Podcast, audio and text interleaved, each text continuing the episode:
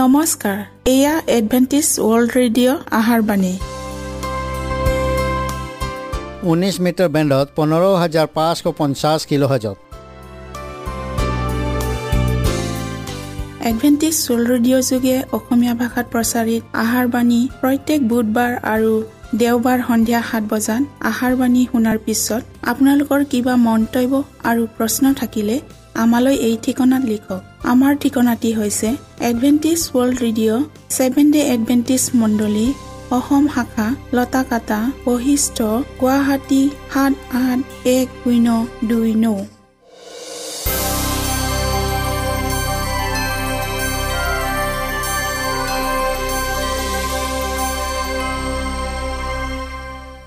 প্ৰিয় শ্ৰোতা বন্ধুসকল এতিয়া শুনো আহক এটি খ্ৰীষ্টীয় ধৰ্মীয় গীত।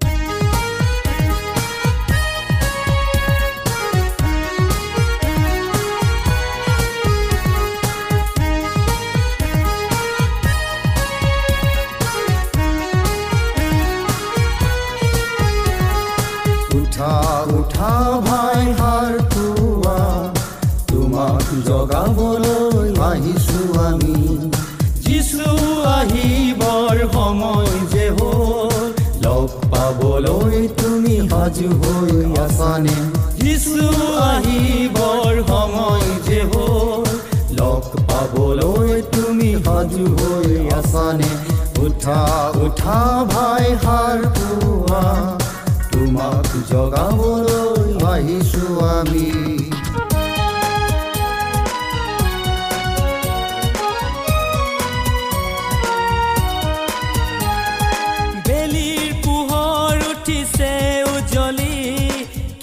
তুমি আজি আছা যেহু বেলিৰ পোহৰ উঠিছে উজ্বলি কিয় বাৰু তুমি আছা যেহু অৰ্দি থাকিলেহে যিচুক লগ পাবা।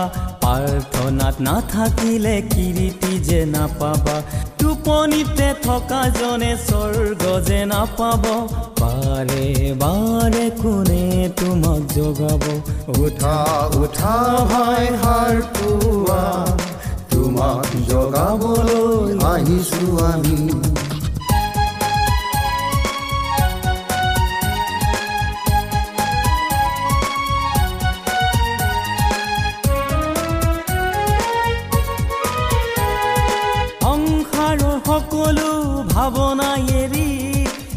যিচুৰ কাষলৈ আহা চাপি। সংসাৰৰ সকলো ভাৱনা এৰি যিচুৰ কাষলৈ আহা চাপি। যিজন নাহিব ৰক্ষা যে নাপাব ৰক্ষা পোৱাজনে জীৱন পাব।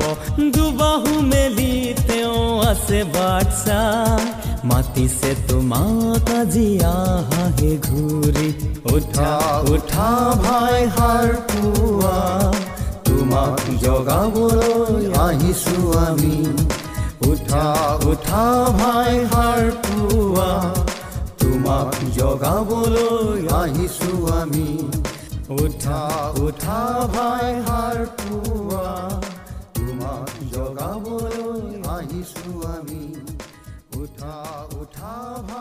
প্ৰিয় শ্ৰোতা বন্ধুসকল আহক আমি খন্তেক সময় বাইবেল অধ্যয়ন কৰোঁ হওক।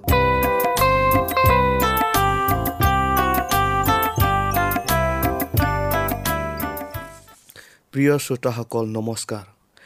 আজি আমি ন আৰু পুৰণি দ্ৰব্য এই দৃষ্টান্তৰ বিষয়ে চাওঁ হওক। শাস্ত্ৰপদ মঠি তেৰ অধ্যায়ৰ একাৱন্ন আৰু বাৱন্ন পদ। আমি বিষয়টিৰ আগবঢ়াৰ আগতে প্ৰাৰ্থনা কৰোঁ হওক। স্বৰ্গত থকা জীৱনময় গৰাকী ঈশ্বৰ জিহুৱা তোমাক ধন্যবাদ দিছোঁ প্ৰভু কিয়নো তুমি আমাৰ লগত সদা সৰ্বদা সংগে সংগে আছে। প্ৰভু আজি আমি নতুন দৃষ্টান্ত ন আৰু পুৰণি দ্ৰব্য এই বিষয়টিলৈ অধ্যয়ন কৰিবলৈ আগবঢ়াইছোঁ। তুমি আমাৰ লগত থাকা। প্ৰত্যেক শ্ৰোতাৰ হৃদয় পবিত্ৰ আত্মাৰ যোগেদি স্পৰ্শ কৰি দিয়া। যীশুৰ নামত খুজিলোঁ আমেন। কৃষ্টই যেতিয়া লোকসমূহক শিক্ষা দিছিল এই একে সময়তে তেওঁৰ শিষ্যবিলাকৰ ভৱিষ্যত কৰ্মপন্থাৰ শিক্ষাও দিছিল। তেওঁৰ আটাইবোৰ উপদেশতে তেওঁলোকৰ প্ৰতি শিক্ষামূলক বিষয়বোৰ আছিল। জালৰ দৃষ্টান্ত দিয়াৰ পাছত তেওঁ শ্ৰোতা লোকবিলাকক সুধিছিল তোমালোকে এই সকলো কথা বুজিলানে? তেওঁলোকে তেওঁক ক'লে হয় বুজিছোঁ প্ৰভু। তেতিয়া তেওঁ আন এটা দৃষ্টান্তৰে তেওঁলোকে গ্ৰহণ কৰা সত্যৰ দায়িত্বৰ বিষয়ে শিক্ষা দিলে। তেতিয়া তেওঁ ক'লে যি গৃহস্থে নিজৰ ভঁৰালৰ পৰা ন আৰু পুৰণি দ্ৰব্য উলিয়াই তেওঁৰ নিচিনা স্বৰ্গ ৰাজ্যৰ শিষ্য হোৱা প্ৰতিজন অধ্যাপক। যি ভঁৰাল গৃহস্থই লাভ কৰিছিল সেয়া তেওঁৰ সঞ্চিত বা উপাৰ্জিত সম্পত্তি নাছিল। তেওঁ ইয়াক আনক বিলাই দিবলৈহে আনিছিল আৰু ইয়াৰ ব্যৱহাৰৰ দ্বাৰাই ভঁৰালৰ বৃদ্ধি পাই গৈছিল। গৃহস্থজনৰ ন আৰু পুৰণি অনেক মূল্যৱান সম্পত্তি আছিল। সেয়ে কৃষ্টই তেওঁৰ শিষ্যবিলাকক শিকোৱা সত্যৰ বাণী জগতৰ সকলো লোকক ক'বলৈ আদেশ দিছে। আৰু এই সত্যৰ বাণী যেনেকৈ আনৰ আগত কোৱা হয় তেনেকৈ বাঢ়ি গৈ থাকে। শুভবাৰ্তাৰ বাতৰি পোৱা প্ৰত্যেকজন ব্যক্তিয়ে এই বাণী আনৰ আগত প্ৰকাশ কৰিবলৈ আগ্ৰহী। কৃষ্টৰ স্বৰ্গজাত প্ৰেম প্ৰকাশ পাবই লাগিব। কৃষ্টক পৰিধান কৰাবিলাকে নিজ নিজ অভিজ্ঞতাৰ বিষয়ে বৰ্ণনা কৰক। আৰু ক্ৰমান্বয়ে পবিত্ৰ আত্মাৰ পৰিচালনাৰে ঈশ্বৰৰ জ্ঞানৰ প্ৰতি ভোগ পিয়া আৰু ঈশ্বৰে পঠোৱা যীশুখ্ৰীষ্টৰ বিষয়ে ধৰ্মশাস্ত্ৰ অধ্যয়ন কৰা পৰিণাম।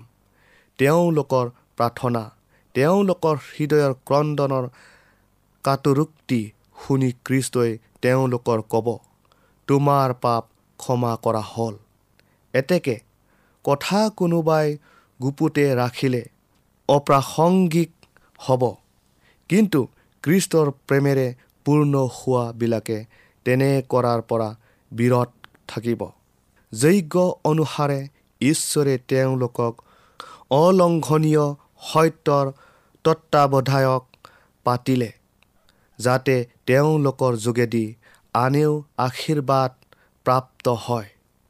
ঈশ্বৰৰ অনুগ্ৰহৰ ঐশ্বৰ্যৰ বিষয়ে আনক জ্ঞাত কৰাবিলাকক কৃষ্টৰ অনুগ্ৰহ অধিক অধিককৈ দান কৰা হ'ব। কিয়নো তেওঁবিলাকৰ হৃদয় সৰু শিশুৰ দৰে সৰল আৰু একান্ত বাধ্য। তেওঁলোকৰ হৃদয়ে পবিত্ৰতালৈ হাবিয়া কৰাত সত্যৰ ভঁৰাল আৰু অনুগ্ৰহ মুকলি কৰি দি জগতৰ আগত প্ৰতিফলিত কৰিবলৈ দিলে। সত্যৰ বৃহৎ ভঁৰাল হৈছে ঈশ্বৰৰ বাক্য। লিখিত বাক্য। প্ৰকৃতিৰ পুস্তক আৰু মানুহৰ জীৱনৰ সৈতে কৰা ঈশ্বৰৰ আচৰণ বিধিৰ বিৱৰণৰ পুস্তক। কৃষ্টৰ পৰিচৰ্যাকাৰী লোকে এই ভঁৰালৰ পৰাই সৎগুণবোৰ আহৰণ কৰিব লাগে। তেওঁলোকে সত্যৰ অনুসন্ধানত ঈশ্বৰৰ ওপৰত নিৰ্ভৰ কৰিব লাগে। জগতৰ জ্ঞানেৰে জ্ঞানী আৰু বুদ্ধিয়ক মহামানৱসকলৰ যি জ্ঞান বিদ্যা বুদ্ধি ঈশ্বৰৰ আগত মূৰ্খতা তেনে লোকৰ ওপৰত নিৰ্ভৰ কৰিব নালাগে। ঈশ্বৰে তেওঁৰ নিজা নিৰ্ধাৰিত পদ্ধতিৰে প্ৰত্যেকজন অনুসন্ধানকাৰীক তেওঁৰ জ্ঞানেৰে পৰিপূৰ্ণ কৰিব। কৃষ্টৰ অনুগামীবিলাকে তেওঁৰ বাক্যৰ ওপৰত ভিত্তি কৰি সেইমতে চলিলেহেঁতেন তেনে প্ৰাকৃতিক জগতখনত এনে নিৰূপিত জ্ঞান নাই যিয়ে ক'ব এইবোৰৰ তাৎপৰ্য বুজা আৰু পালন কৰা অসম্ভৱ। এইয়া যিখিনি নহওক আন লোকলৈ সত্যৰ সমভাগী হ'বলৈ সহায়ক স্বৰূপ হ'ব। প্ৰাকৃতিক বিজ্ঞান জ্ঞানৰ ভঁৰাল য'ৰ পৰা প্ৰত্যেকজন শিক্ষাৰ্থীয়ে কৃষ্টৰ শিক্ষালৈ আকৰ্ষিত হ'ব পাৰে।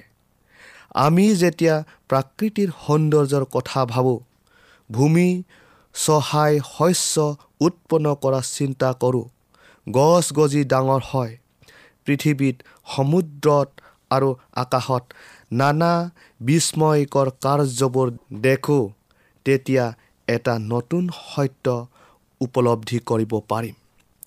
আৰু মানুহৰ সৈতে ঈশ্বৰৰ সম্বন্ধৰ যি ৰহস্য আছে সেয়া তেওঁৰ জ্ঞানৰ আৰু ন্যায় বিশ্বাৰৰ গভীৰতা মানুহৰ জীৱনত প্ৰকাশ পাইছে।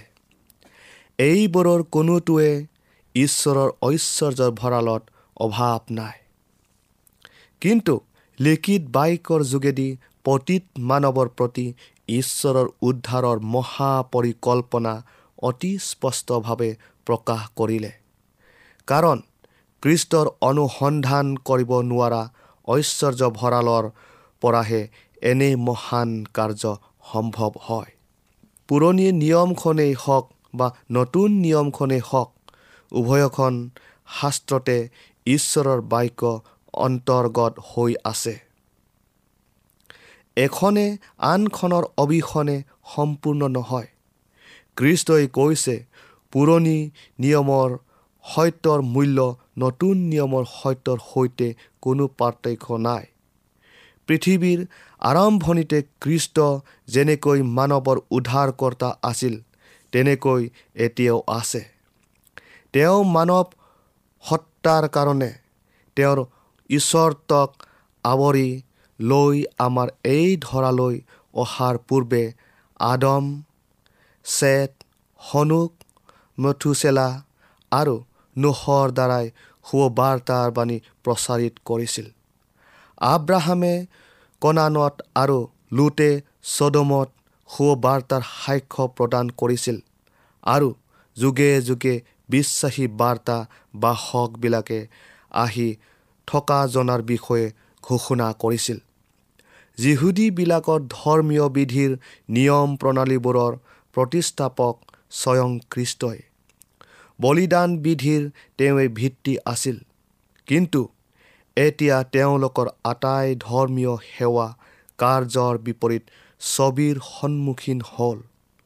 বলি উৎসৰ্গ কৰা সময়ত যি তেজ বৈছিল সেয়া ঈশ্বৰ মেৰ পোৱালীক আঙুলিয়াই দেখুৱাইছিল। আটাইবিলাক বলি বিধানৰ আক্ষৰিক নিয়ম প্ৰণালী খ্ৰীষ্টতে সিদ্ধ হ'ল। প্ৰিয় শ্ৰোতাসকল খ্ৰীষ্টক ওপৰ পিতৃসকলৰ আগত ঘোষণা কৰা হ'ল। বলি উৎসৰ্গ সেৱাত প্ৰতীত স্বৰূপ হ'ল। বিধান প্ৰতিচ্ছবি হ'ল। ভাৱবাদীবিলাকৰ দ্বাৰাই প্ৰকাশিত হ'ল। সেয়ে তেওঁ পুৰণি নিয়মৰ মহাধন ঐশ্বৰ্য। খ্ৰীষ্টৰ নিজ জীৱনত তেওঁৰ মৃত্যুত আৰু তেওঁৰ পুনৰুত্থানত পবিত্ৰ আত্মাৰ দ্বাৰাই প্ৰকাশ কৰা হ'ল। সেই খ্ৰীষ্ট নতুন নিয়মৰো মহা ঐশ্বৰ্যৰ ভঁৰাল। আমাৰ ত্ৰাণকৰ্তাজনা পুৰণি আৰু নতুন উভয় নিয়মৰ পিতৃৰ মহিমা প্ৰকাশৰ অতি উজ্জ্বল জ্যোতি। ভাৱবাদীবিলাকে কৃষ্টৰ জীৱনৰ তেওঁৰ মৃত্যুৰ আৰু মধ্যস্থতাৰ বিষয়ে আগেয়ে ভাৱবাণী কৰি কোৱা ঘটনাবোৰৰ সাক্ষ্য পাচনিবিলাকে দিছিল। কৃষ্টৰ নম্ৰতা তেওঁৰ শুদ্ধতা আৰু পবিত্ৰতা আৰু তেওঁৰ অতুলনীয় প্ৰেমেই পাচনিবিলাকৰ মূল মন্ত্ৰ আছিল। আৰু পৰিপূৰ্ণতাৰে সুবাৰ্তা প্ৰচাৰ কৰোঁতে তেওঁলোকে ত্ৰাণকৰ্তাজনক কেৱল তেওঁৰ জীৱনত ঘটা কথাৰে আৰু শিক্ষাৰে নহয় কিন্তু পুৰণি নিয়মৰ ভাৱবাদীবিলাকে প্ৰতীকস্বৰূপে বলিদান উৎসৰ্গ সেৱা আৰাধনা আগতীয়াকৈ ভাৱবাণী কৰা কথাও উল্লেখ কৰিছিল। শ্ৰোতাসকল কৃষ্টই তেওঁক শিক্ষাৰ এই একেই পুৰণি সত্যকে দোহাৰিছিল কাৰণ তেওঁ স্বয়ং ইয়াৰ আদি উদ্ভাৱক আছিল। যি সত্য তেওঁৰ ওপৰ পিতৃ আৰু ভাৱবাদীবিলাকৰ যোগেদি কৈছিল তাত তেওঁ এতিয়া নতুন পোহৰেৰে আবৃত্ত কৰিলে। উভয় নিয়মৰ শিক্ষাৰ কোনো পাৰ্থক্য নাই বৰং খ্ৰীষ্টৰ শাস্ত্ৰৰ ব্যাখ্যাত আত্মিকতা আৰু পোহৰৰ জোৱাৰৰে প্লাৱিত হৈছে জোৱাৰেৰে প্লাৱিত হৈছিল। তেওঁ শিষ্যবিলাকৰ প্ৰতি পবিত্ৰ আত্মা দিয়াৰ প্ৰতিজ্ঞা কৰিছিল শিক্ষা দিবলৈ যাতে তেওঁলোকলৈ ঈশ্বৰৰ বাক্য অধিককৈ প্ৰকাশ পায় আৰু নতুন উৎসাহ উদ্যমেৰে সত্যক আন লোকৰ আগত প্ৰচাৰ কৰে। এডেনবাৰীত পৰিত্ৰাণৰ প্ৰথম প্ৰতিজ্ঞা কৰাৰে পৰা কৃষ্টৰ জীৱন গুণসমূহ আৰু মধ্যস্থ সম্বন্ধীয় কাৰ্য মানুহৰ মনত চিন্তাৰ বিষয় বস্তু হৈ আহিছে। তৎসত্বেও পবিত্ৰ আত্মাৰ দ্বাৰাই পৰিচালিত হোৱা প্ৰত্যেকজন ব্যক্তিয়ে এই প্ৰসংগ পোহৰৰ আধাৰত সক্ৰিয় আৰু সতেজেৰে প্ৰকাশ কৰিব। পৰিত্ৰাণ বা উদ্ধাৰৰ কাৰ্য অবিৰত আৰু দৃঢ়তাৰে ক্ৰমবৃদ্ধি আৰু বিস্তৃতি প্ৰসাৰত কাৰ্যক্ষম। পৰিত্ৰাণ বা উদ্ধাৰ আদিৰে পৰা কাৰ্যকাৰী হৈ আহিছে যদিও এয়া চিৰ নতুন কাৰ্য। সত্যৰ অনুসন্ধানকাৰীজনক মহাপ্ৰতাপ আৰু মহাক্ষমতাৰ সহিত দৃঢ়তাৰে প্ৰকাশ কৰিব। ঈশ্বৰে যুগে যুগে বংশানুক্ৰমে তেওঁৰ লোকবিলাকক ন ন সত্য প্ৰকাশ কৰি আহিছে।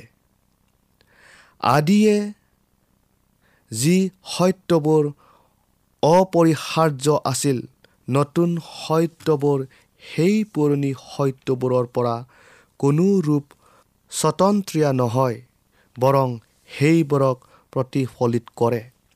এতেকে নতুনৰ সত্যক বিস্তৃতভাৱে বুজি পাবলৈ হ'লে কেৱল পুৰণি সত্যক জনাৰ বাহিৰে আন উপায় নাই।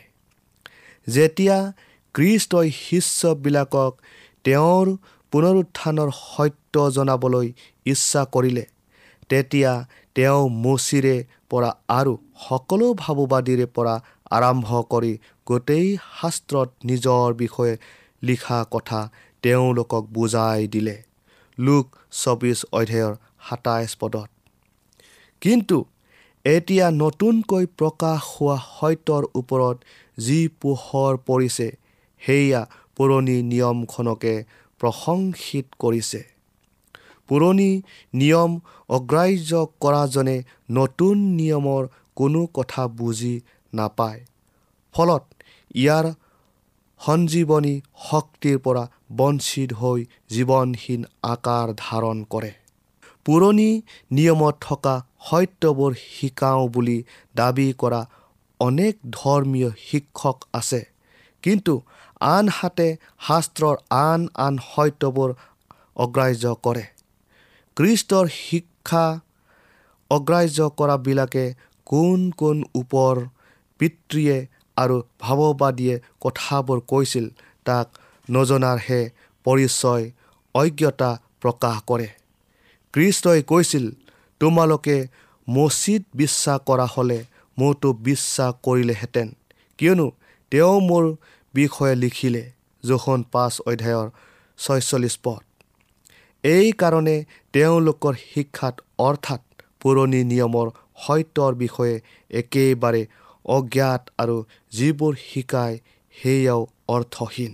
প্ৰিয় শ্ৰোতা বন্ধুসকল আনহাতে অনেকে কেৱল সুবাৰ্তা আৰু নতুন নিয়মৰ সত্যৰ বাণীহে শিকাওঁ বা প্ৰচাৰ কৰোঁ বুলি দাবী কৰাবিলাকেও সেই একেটা ভুলকে কৰে।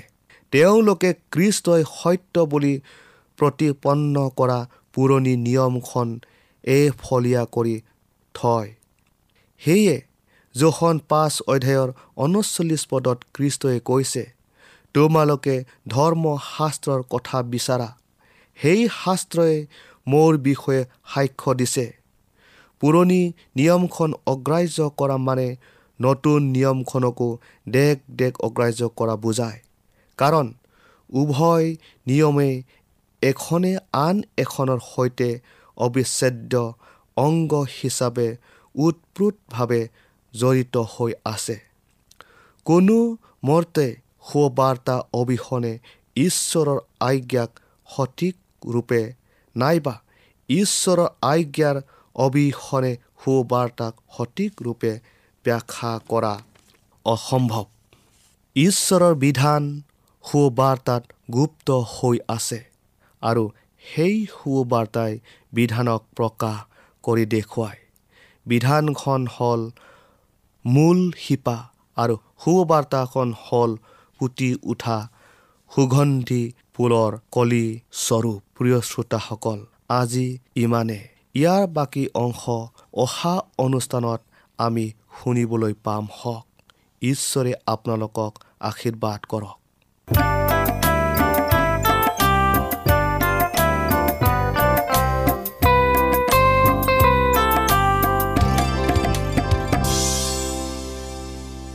ইমানপৰে আমি বাইবেল অধ্যয়ন কৰিলোঁ। এতিয়া আকৌ শুনো আহক এটি খ্ৰীষ্টীয় ধৰ্মীয় গীত।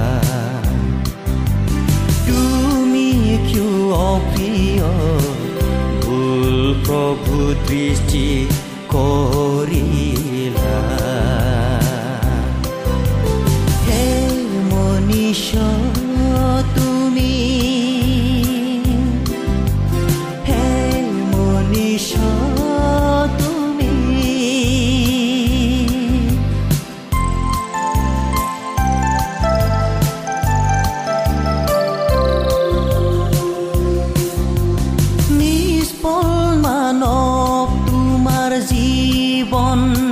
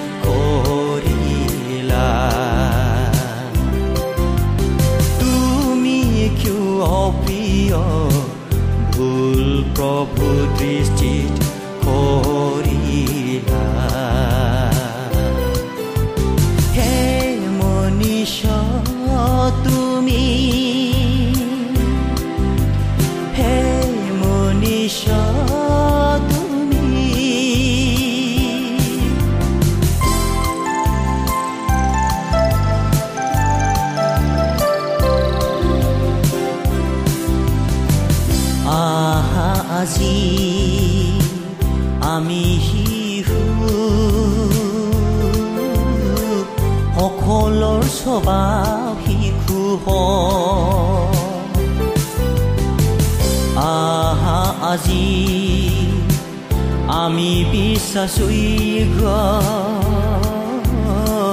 হ'বলৈ শিশু।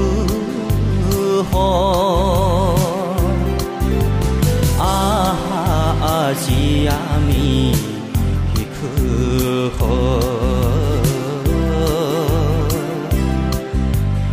আহা আজি আমি শিশু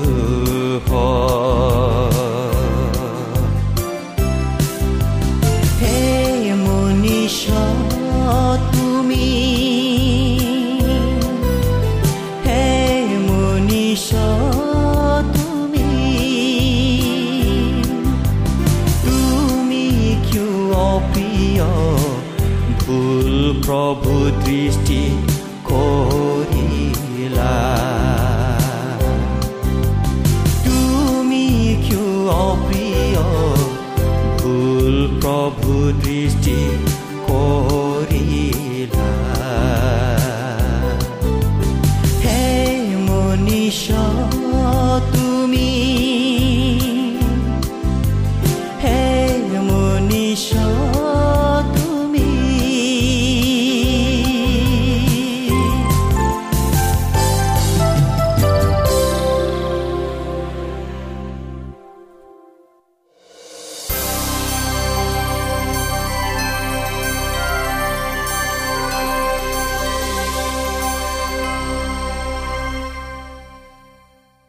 মনত ৰাখিব আমাৰ ঠিকনাটি পুনৰ কৈ দিছোঁ।